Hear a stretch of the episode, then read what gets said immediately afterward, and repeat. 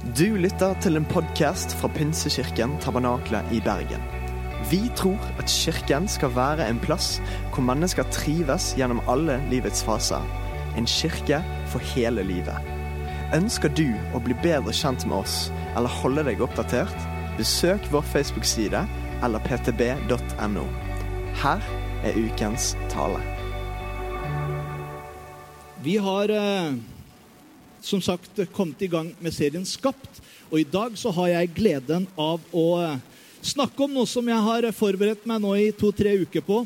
Eh, og jo mer jeg gravde meg inn i det, jo mer interessant var det.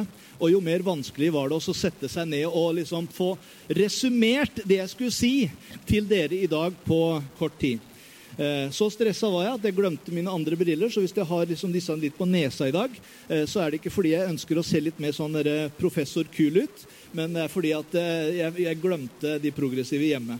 Så jeg har vanlige lesebriller her i dag. Hva er et menneske? Jeg husker når jeg var liten gutt, så eh, var det en serie som eh, var veldig populær allerede da på TV. Og kanskje noen av dere som er på min alder, i hvert fall og oppover, vil huske det. Eh, kanskje noen andre har sett noen klipp av det. Men det var en serie som hette 'Det var en gang et menneske'. Er det noen som husker den? Den var ikke akkurat bygd på Bibelens teologi, eh, men eh, på det som da var veldig inn, og eh, etter hvert har blitt det som skolene lærer. Nemlig Darwins teologi, holdt jeg på å si. Eller filosofi og hans venner som oppfant utviklingslæren eller evolusjonslæren. Det starter med at det er en stor eksplosjon ute i verdensrommet. Eh, og eh, denne eksplosjonen gjør at det, det blir noen sånne svære fjell som bare eksploderer, og det kommer lava nedover fjellene, og det går ned i, i, vannet, og ut av det vannet så plutselig så ser du et rumpetroll. Eh, lignende sak som begynner å bevege seg, og dette rumpetrollet det vokser, og det får etter hvert en ryggrad. Og så, eh, når noen millioner av år, for det er millioner av år vi snakker om imellom disse forskjellige tingene, så kryper denne fisken opp på land, og så finner han ut at han kan jo klatre i trær, og så klatrer han opp i et tre, og dette Dyret blir etter hvert eh, liker seg godt i treet, så det blir en ape. Eh, og etter noen millioner av år til så blir denne apen eh, hopper ned av treet. Han eh, blir litt mer rakrygga. Eh, man kaller det for eh, homos. denne homos Ja, dere kan det, dere bedre enn meg. etter hvert så blir det menneske. Da kan jeg gå og sette meg, for det var historien om mennesket. Nei, det er ikke det vi tror. Eh, men mange tror det. Og det handler jo om tro. Jeg absolutt eh, anbefaler dere å se en film som handler nettopp om dette. her. Dere kan få tittelen av meg etterpå. Men vi tror på det som Bibelen snakker om når det gjelder mennesket. Som kristen så mener vi at Gud skapte mennesket. Og at det er den beste Og at han vet best hvordan vi mennesker er. Og hans svar på dette finner vi i Bibelen. Mennesker, Mennesket var det siste ledd i skaperverket og var det eneste som var skapt i Guds bilde. Så beklager eh, Løven som var her, var dessverre ikke skapt i Guds bilde. Men han hadde jo et bra plakat da, for de barna som han skulle ha med, for de er skapt i Guds bilde. Eh, men han er skapt av Gud. Løven, altså. Eh, akkurat eh, den kostymen der er nok ganske menneskeskapt. Gud skaper mennesket. Og vi kan lese om det allerede i første Mosebok. Fra kapittel 1 og vers 26 så står det Gud sa La oss lage mennesket i vårt bilde, så de ligner oss. Legg merke til flertallsformen. De skal råde over fiskene i havet og fuglene under himmelen, over tre og alle ville dyr og alt krypet som det kryr av på jorden. Gud skapte mennesket i sitt bilde. I Guds bilde skapte han det. Som mann og kvinne skapte han det. Gud velsignet dem og sa til dem, vær fruktbare og bli mange. Fyll jorden og legg den under dere. Dere skal råde. Du må gjerne streke under det hvis du vil. Dere skal råde over fiskene i havet, over fuglene under himmelen, over alle dyr som det kryr av på jorden. Og så står det i slutten av kapittelet Gud så på alt det han hadde gjort, og se, det var svært godt. Og det ble kveld, og det ble morgen, sjette dag. Det er det siste Gud skaper før han hviler på den syvende dagen. Mennesket ble skapt til å ha fellesskap med Gud. Og det skulle herske over alle skapningene. Mennesket er ikke det ypperste av dyrearten. Nei, mennesket står over dyrearten. Det har ikke blitt til av en evolusjon hvor dyrene etter hvert har blitt menneske. Nei, mennesket er unikt. Dyrene er ikke skapt i Guds bilde, men mennesket er skapt i Guds bilde for å vise hvordan Gud er. Gud ga mennesket alt det gode han kunne ønske seg, og gikk sammen med mennesket inn i haven. Vi har på en måte to skapelsesberetninger om mennesket. Ett i første Mosebok kapittel 1 og ett i første Mosebok kapittel 2. Og så er det noen lærde som strides. Ja, er det to forskjellige historier, eller hvordan er det? Jeg er veldig enkel i teologien, eh, så du må gjerne ta meg etterpå på det. Men jeg tror bare at kapittel 2 er en forklaring på hvordan det egentlig skjedde at begge to ble skapt i kapittel 1. Og Hvis vi leser i kapittel 2, så vil vi se fra vers 15 Mennesket ga navn til alt fe. For mennesket Adam ble først skapt. Han kaltes ikke Adam først, bare menneske. Men så skjer det noe i det at det kommer en skapning til. Mennesket ga navn til alt fe og til himmelens fugler og til alle villmarkens dyr. Men til seg selv fant mennesket ingen hjelper av samme slag. Da lot Herren Gud en dypt søvn komme over mannen, og mens han sov, tok han et ribbein og fylte igjen med kjøtt. Av ribbeinet Herren Gud hadde tatt fra mannen, bygde han en kvinne, og han førte henne til mannen. Da sa mannen Da ble han blank i øyet, kan du tro. Nå er det ben av mine ben og kjøtt av mitt kjøtt. Hun skal kalles kvinne, for av mannen er hun tatt. Derfor skal mannen forlate sin far og sin mor og holde seg til sin kvinne. Og de to skal være én kropp. Begge var nakne, både mannen og kvinnen, og de skammet seg ikke for hverandre. Det siste verset der bare elsker jeg å ta av og til på noen bryllup. De var nakne begge to, og så tenker de hva skal han si for noe nå? Ikke noe annet enn at det var ingen blygsel. Skam fantes ikke på den tiden. Skammen kom med synden. Men i det perfekte bildet som menneskene var skapt av, i Guds bilde, så var det ingen skam. Så de gikk rundt nakne begge to og tenkte ikke noe mer over det. De var skapt i renhet i Guds bilde. Mennesket er trefoldig, akkurat som Gud er treenig. Gud far, Guds sønn og Gud den hellige ånd. Så er også vi mennesker som er skapt i Guds bilde, skapt med ånd, sjel og med kropp. Og disse tre delene de utgjør det som vi kaller for menneskets personlighet. Det er stort å tenke på at eh, etter tusener av år Ifølge vår regning når det gjelder menneskets alder, ca. 6000 år, pluss og minus. Snart 7 milliarder mennesker på jorda. Og alle andre skapninger så er det ingen som er like. Det fins ingen kopier av noe av det Gud har skapt. Alt og alle er forskjellige. Det er fantastisk.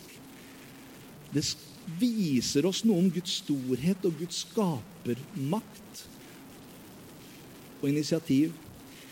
Gud er variasjonens gud. Og Gud, han er for skjønnhet og harmoni. Mennesket er skapt med noen grunnleggende behov som fins både hos menn og kvinner.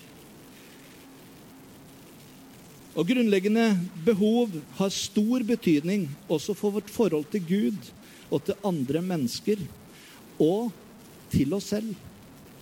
Og Av disse grunnleggende behovene så kan vi nevne kjærlighet.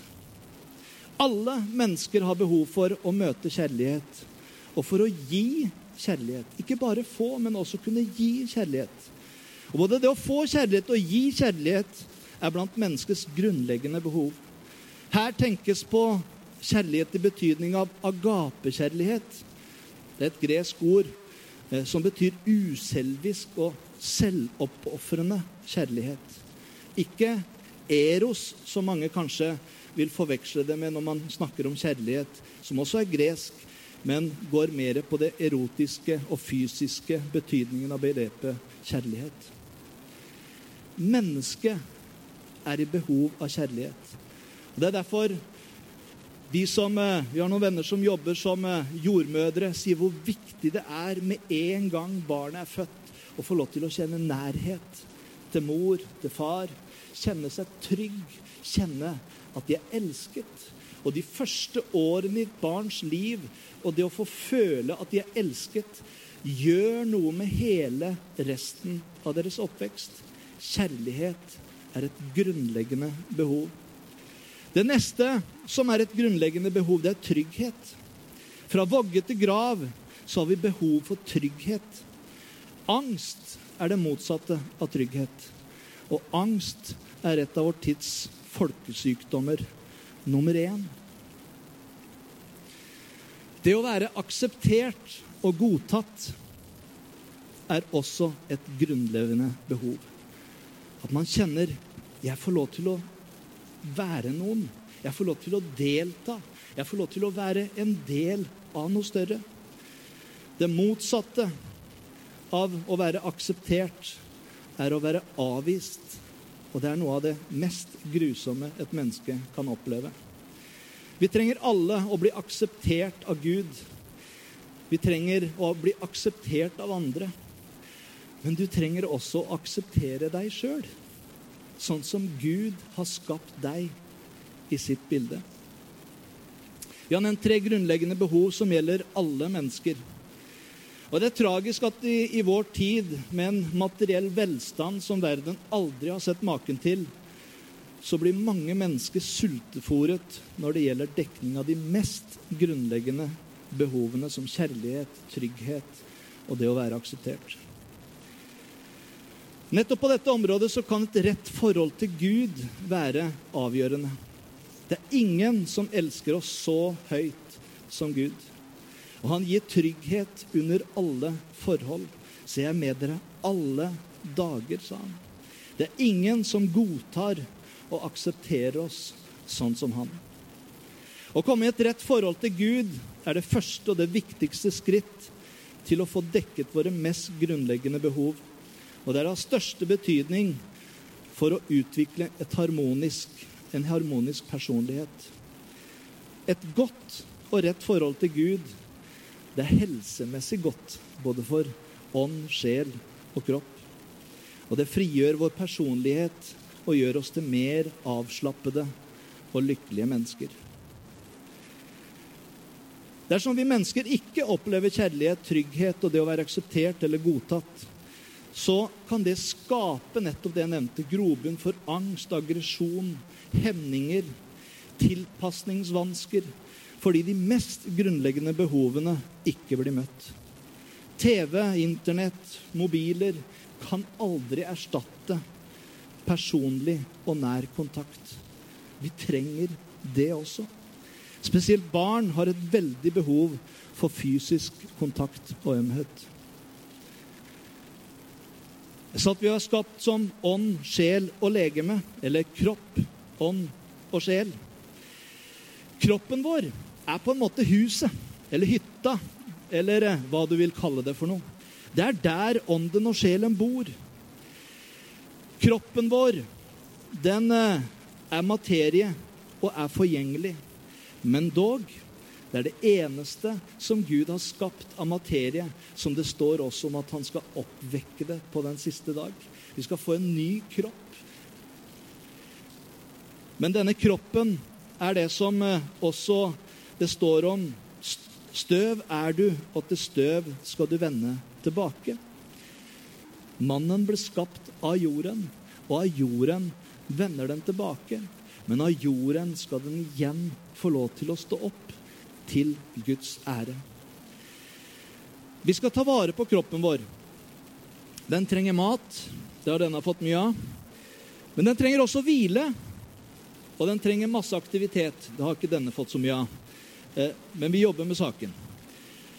Av alle skapningene på jorda så er det bare mennesket som, som vil få en ny og evig kropp. Og Du kan lese om det i 2. Korinterbrev 5 hvis du vil det. Bibelen sier også at kroppen vår er et tempel. I det gamle pakt så hadde man templer, man hadde bygninger der hvor Guds pakt og Guds nærhet skulle være. Men i den nye pakt så står det at vi er et tempel for Den hellige ånd.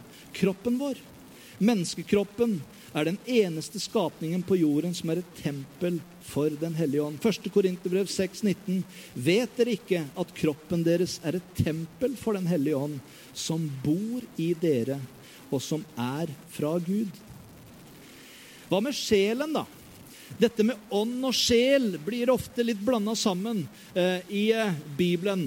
Eh, men la oss ta litt det sjelelige, eller sjelen vår. Hva er det for noe? Jo, det handler om sansene våre. Eh, mennesket har fem sanser, som du sikkert kjenner til, selv om noen har syvende sans også. Eh, sy synet vårt, hørselen, lukta, følelsen og smaken. Det er de fem sansene som vi er født med. Sansene er også koblet fysisk til kroppen, med øret, med vi liksom har det synlige. Men sansene er der. Sjelen gjør sanseinntrykkene bevisste. Hva mer er det i sjelslivet vårt? Jo, vår forstand. Mennesket er et bevisst livsvesen med en forstand, en intelligens, som kan vurdere, som kan resonnere. Og vår forstand er et instrument for vår ånd. Vi har følelser, Hjertet er det mest sentrale i kroppen vår. Men hjertet i mer vid betydning av ordet er det sentrale i hele vår personlighet.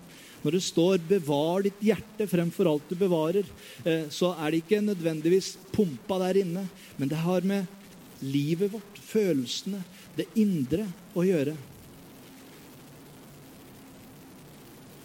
Der også er vårt sjelsliv.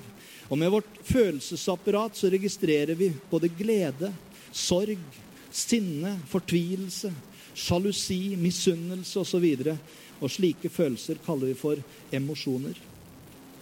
En ting til i forhold til menneskers sjel er våre drifter. Og Disse er gjerne fysisk betinget, men eh, engasjerer hele vår personlighet. Vi kan nevne seksualdriften som en av de sterkeste.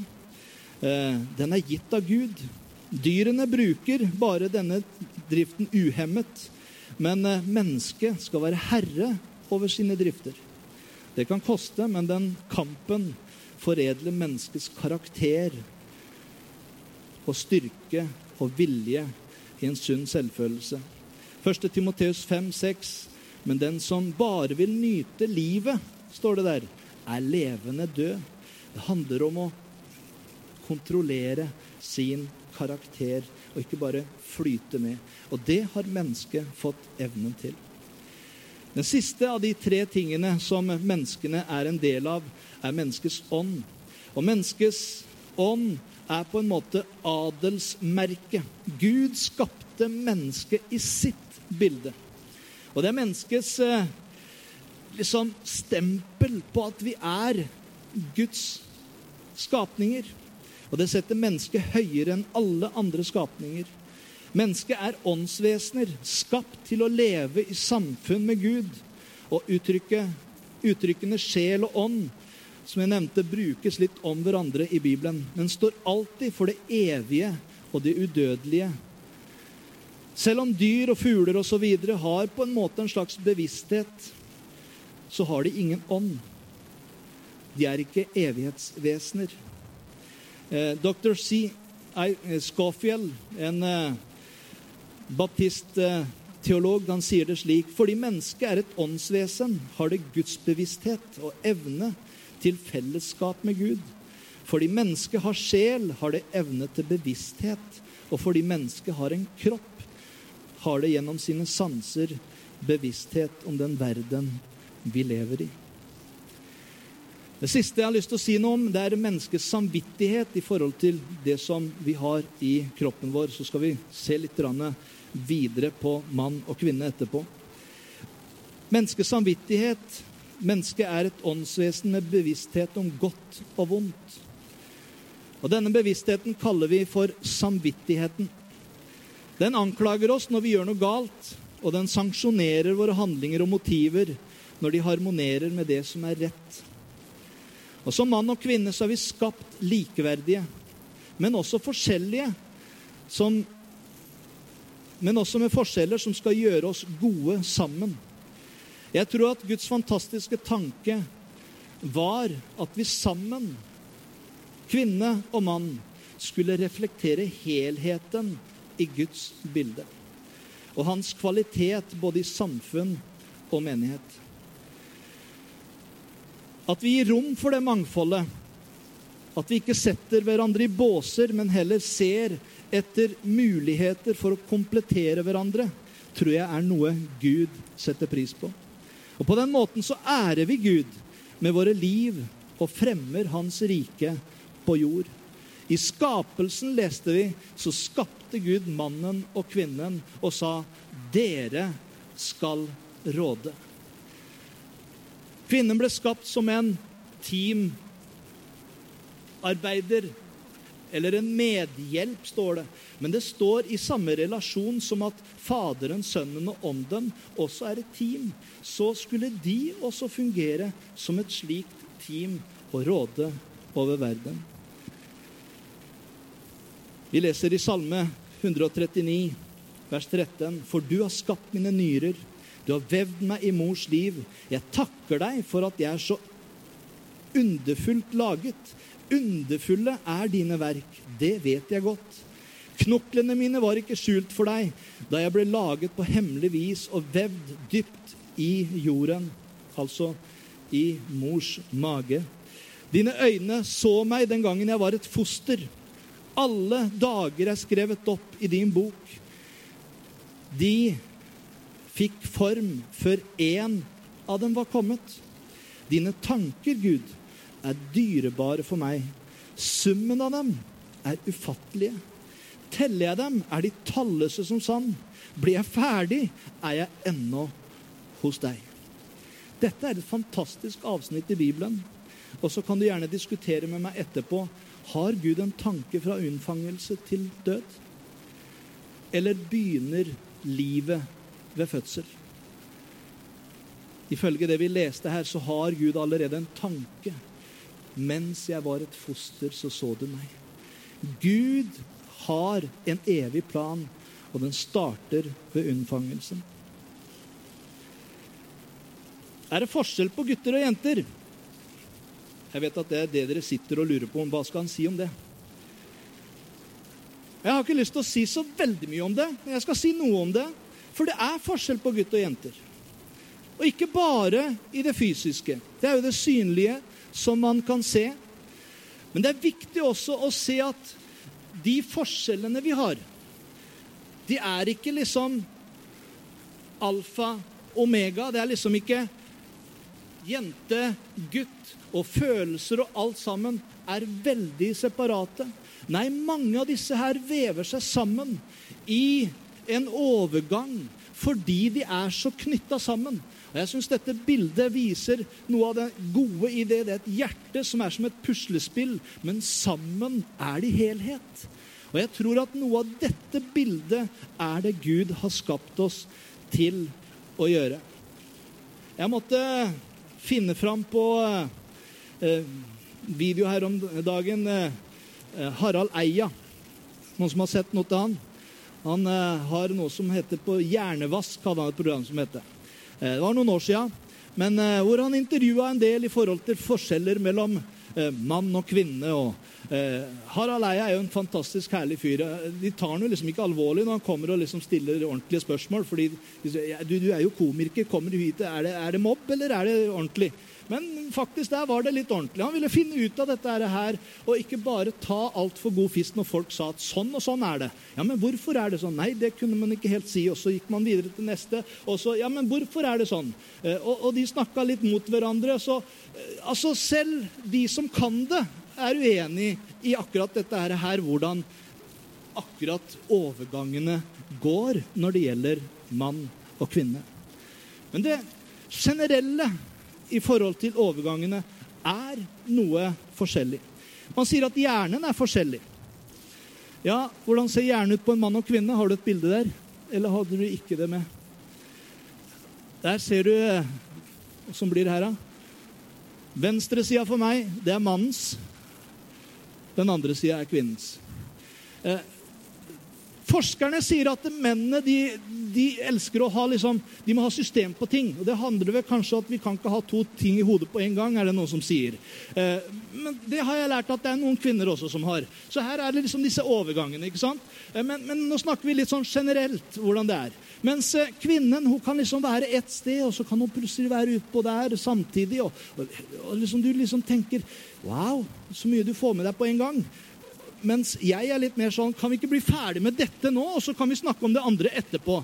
Det er litt sånn som det er synliggjort i forhold til noen forskjeller som kan være på mann og kvinne, gutt og jenter. Hormoner og hjerner, ikke mormonere, men hormoner. Eh, eh, I tenårene så oversvømmes hjernen av hormoner eh, som skaper massive endringer både hos gutter og jenter. Både psykologisk og fysiologisk. Og tenåringsgutter har et testosteronnivå som er 20 ganger høyere enn kvinnens. Hva det gjør, kan du jo bare tenke deg. Det er høyere hos gutter enn hos jenter. Og testosteron sørger for at eh, muskelmasse øker, og psykologisk sett så fører det til at gutter tenker på sex nesten hele tiden, sier forskerne. Eh, mannlige hormoner øker også aggresjon, konkurranseinstinkt og selvhevdelse, selvtillit og autonomi, mens det samme trekkene reduseres av de kvinnelige hormonene. Eh, etter hvert som menn blir eldre, reduseres testosteronnivået, og menn blir mildere og roligere med årene, så det er håp, eh, jenter. For kvinner kan det se ut som at forholdet seg omtrent motsatt. Kondolerer, gutter. Eh, når de blir eldre, blir de mer egenrådige. Dere må bare ta det som det er. Det her er forskere som driver og diskuterer fram og tilbake om det. Men jeg tenker at det er litt interessant å ta med seg noen av disse aspektene, fordi at det, det fins forskjeller. Men de er ikke så markante som mange skulle tenke og tro. Intelligens og følelser handler også om dette bildet vi så. Ja, Her er det et interessant bilde. Når det gjelder sex, i forholdet til sex er hjernen til menn og kvinner koblet helt forskjellig. Det kan du jo se av bildet der, og jeg tror ikke vi skal si noe mer om det. Det handler om at kvinner er mer følsomme, og det skal følelse til i forhold til det seksuelle. Mye mer hos kvinner, mens hos gutta så går det meste gjennom øya. Det kan være greit å vite og lære våre eh, barn og unge i forhold til når alle disse testosterongreiene bare eksploderer i kroppen. I forhold til kjærlighet og ekteskap så har vi også gjort masse forskning. Og det er jo noe av det som er så fantastisk. Når du kobler kvinne og mann sammen, så er det ikke sånn at det like barn leker best alltid i forhold til det. Altså Man tenker liksom man skal finne noen som er mest lik, men etter hvert som man blir gift, så skjønner man man var ikke så lik som man kanskje tenkte man var. Eh, Men det er ikke noe problem. Det er ingen grunn til at man skal verken skille lag eller noen ting. Men Gud har skapt det sånn at vi skal kunne leve sammen og finne sammen. Og utfylle hverandre med de egenskaper og gode ting som Gud har kalt oss til å leve i. La det få lov til å bare være. Mann og kvinne er skapt likeverdige av Gud for å utfylle hverandre. Og Dette var hans hensikt fra begynnelsen av. Og Det fantes ikke noe hierarki mellom mann og kvinne i Edens hage. De var forskjellige, men utfylte hverandre og var likeverdige. Mennesket, både mannen og kvinnen, var skapt til Guds glede og fryd. Men det skjedde noe i Edens hage som har ødelagt noe av dette bildet. Og jeg tror at det også har ødelagt noe av verdisystemet og hvordan vi har behandla hverandre som menn og kvinner etter det. Syndefallet skapte en situasjon både for mannen og kvinnen. La oss lese det i Bibelen. I første Mosebok 3 og vers 1 så kommer slangen i hagen. Så har vi gutta tenkt at ja, hadde det ikke vært for kvinnen, hadde vi fortsatt vært i paradis. Så enkelt er det ikke. Det står at mannen og kvinnen var der sammen. Les det, så skal du se det. Så det er liksom ikke sånn at det, her var det kvinnen som ble frista, og så gikk hun til mannen. Det står de var der sammen. Men det skapte noen konsekvenser som fikk følger for menneskeheten. Denne slangen kommer, og så sier han, har Gud virkelig sagt at dere ikke skal spise av noe tre i hagen? Nei, det var ikke helt det han hadde sagt. Han hadde sagt at dere skal ikke spise av det treet om kunnskap om godt og vondt. Det skal dere ikke spise av. Ellers kan dere spise av alle andre trær. Og Det er litt typisk fienden når han kommer. Har Gud virkelig sagt? Legg merke til det. I de største fristene i livet ditt så vil disse tankene komme til deg. Gjerne bruke Bibelen til og med. Og så sier hun ja, men det er ikke sånn Gud mente det. Det er ikke sånn Gud sa det. Gud mente sikkert noe annet. Og så fører han oss til synd. Nå fikk kvinnen se at treet var godt å spise av, og en lyst for øyet. Et forlokkende tre siden det kunne gi innsikt. Så tok hun av frukten og spiste. Hun ga også til mannen sin, som var sammen med henne, og han spiste. Da ble øynene deres åpnet, og de skjønte at de var nakne. Husker du hva vi begynte med? De var begge nakne, men de skammet seg ikke. Men med synden så kom skammen inn i bildet. Og plutselig så fikk de behov for å skjule seg. De flettet sammen fikenblader og bandt dem om livet. Da hørte de lyden av Herren Gud som vandret omkring i haven i den svale kveldsprisen, og mannen og kvinnen gjemte seg for Gud blant trærne i hagen. Men Gud, men Herren Gud ropte på mannen og sa, 'Hvor er du?' Han svarte, 'Jeg hørte lyden av deg i hagen. Jeg ble redd fordi jeg er naken.' Og jeg eh, gjemte meg. Da sa han, 'Hvem har fortalt deg at du er naken?' 'Har du spist av treet jeg forbød deg å spise av?' Mannen svarte, legg merke til her begynner bråket. Kvinnen du ga meg å være sammen med, hun ga meg av treet, og jeg spiste. Herren Gud spurte kvinnen, hva er det du har gjort? Kvinnen svarte, slangen narret meg, og jeg spiste. Da sa Herren Gud til slangen, forbannet er du, utstøtt fra alt fe og alle ville dyr, fordi du gjorde dette. På buken skal du krype, og støv skal du spise alle dine levedager. Og så kommer det allerede der et fantastisk løfte til kvinnen. Jeg vil sette fiendskap mellom deg og kvinnen, mellom din ett og hennes ett. Den skal ramme ditt hode, men du skal ramme dens hæl. Dette er det første profetiske ordet om en forsoning i Jesus Kristus for våre synder. Til kvinnen sa han, Tungt vil jeg gjøre ditt strev når du er med barn. Med smerte skal du føde, og du skal begjære din mann, og han skal herske over deg. Legg merke til dette ordet som kommer inn her. Og mannen til mannen sa han, fordi du hørte på kvinnen og spiste av treet som jeg forbød deg å spise av, er jorden forbannet for din skyld. Med strev skal du nære deg av den alle dine levedager. Den skal la torn og tistler spire fram for deg, og du skal spise det som vokser på marken. Med svette i ansiktet skal du spise ditt brød inntil verden, eh, inntil du vender tilbake til jorden for av den er du tatt. Støv er du, og til støv skal du vende tilbake. Mannen kalte kvinnen Eva, for hun ble mor til alle som lever. Herren Gud laget klær av skinn til mannen og kvinnen og kledde dem, det første offeret som du leser om i Bibelen, for å kle menneskenes skam. Og Herren Gud sa, se, mennesket er blitt som en av oss og kjenner godt og ondt. Bare det nå ikke strekker ut hånden og tar av livets tre også, så de spiser og lever evig. Herren Gud sendte menneskene ut av Edens hage for å dyrke jorden som det var tatt av. Han drev menneskene ut, og øst for Edens hage satte han kirubene, altså engler, og det flammende sverdet som svinges uten stans. De skulle vokte veien til livets tre. Du, jeg har lest slutten av boka, skjønner du. Og det er fantastisk. Der står det 'Salig er den som får lov til å spise av livets tre'. Men det skjer noe i mellomfasen her, og nå kan musikerne komme opp. Jeg tror det vonde konsekvensen av syndefallet også resulterte i et forvrengt kvinnesyn som verden har levd med i mange år. Som du ser i mange av de store religionene, hvor kvinnene blir undertrykt på grunn av dette og for andre ting.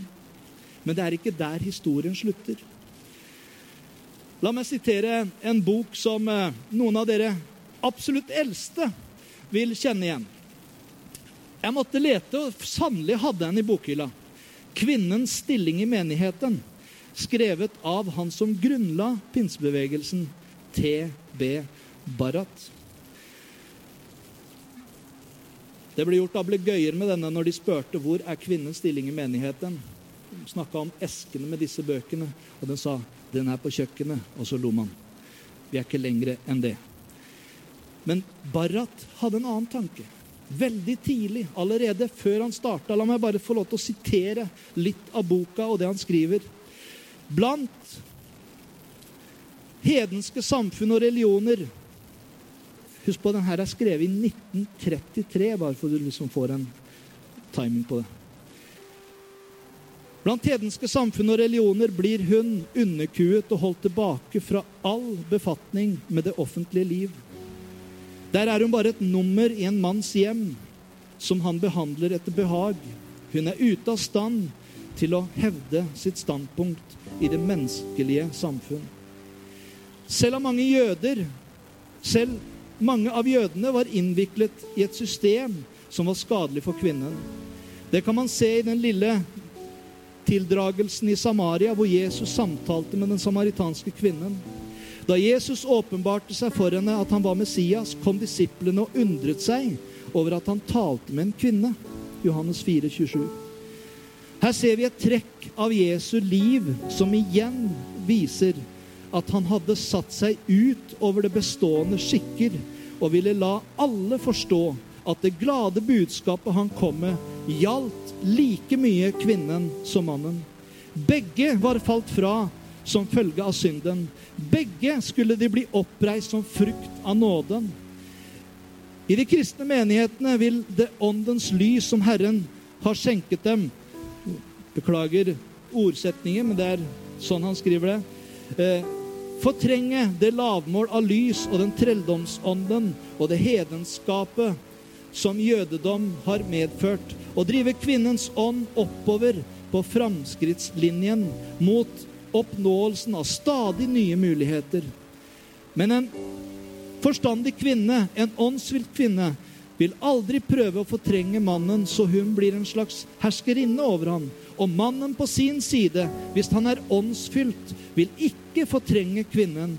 Det vil oppstå en gledelig og gjensidig forståelse av de evner og muligheter begge parter sitter inne med, og man vil prøve å la dem komme menigheten til nytte. Man vil huske at i Herren er ikke kvinnen uavhengig eh, av mannen, og mannen er ikke uavhengig av kvinnen. Som, for som kvinnen ble tatt av mannen, ble mannen født av kvinnen. Men alt er fra Gud. I Kristus er ikke jøde eller greker. Her er ikke slave eller fri. Her er ikke mann eller kvinne. Dere er alle én i Kristus Jesus. Galaterne 3,28. Det er idealet. Den grunnplan Gud har i sine tanker. I himmelen er det ikke forskjell på kjønnet. Alle er vi like, lik Guds engler, og i Kristus, i Herren, er det likedan. Men for å passe inn i de forskjellige forhold som oppstår i verden, må man ofte bøye seg for bestående skikker, ellers vinner man ingen inngang med evangeliet. Det er det Paulus snakker om når han sier at 'for alle har jeg blitt alt', for i det minste å frelse noen. Sitat slutt. Jesus Kristus er gjenopprettelsen av menneskets fall. Og ved det gjenopprettet han også kvinnen til hennes rette stilling. Når Jesus dør på korset, så bryter han ned det slaveriet som har vært. Så bryter han ned forskjellene. I Kristus er det ikke mann eller kvinne, slave eller fri, jøde eller greker, men vi er alle ett i Kristus. Dere var døde, sier Paulus til kolosserne, pga. misgjerningene og deres uomskårne kjøtt og blod. Men han gjorde dere levende sammen med Kristus da han tilga oss alle våre misgjerninger. Gjeldsbrevet som gikk imot oss, slettet han. Det som var skrevet med lovbud. Han tok det bort. Han tok det bort fra oss da han naglet det til korset. Han kledde maktene og åndskreftene nakne og stilte dem fram til spott og spe da han viste seg som seiersherre over dem på korset.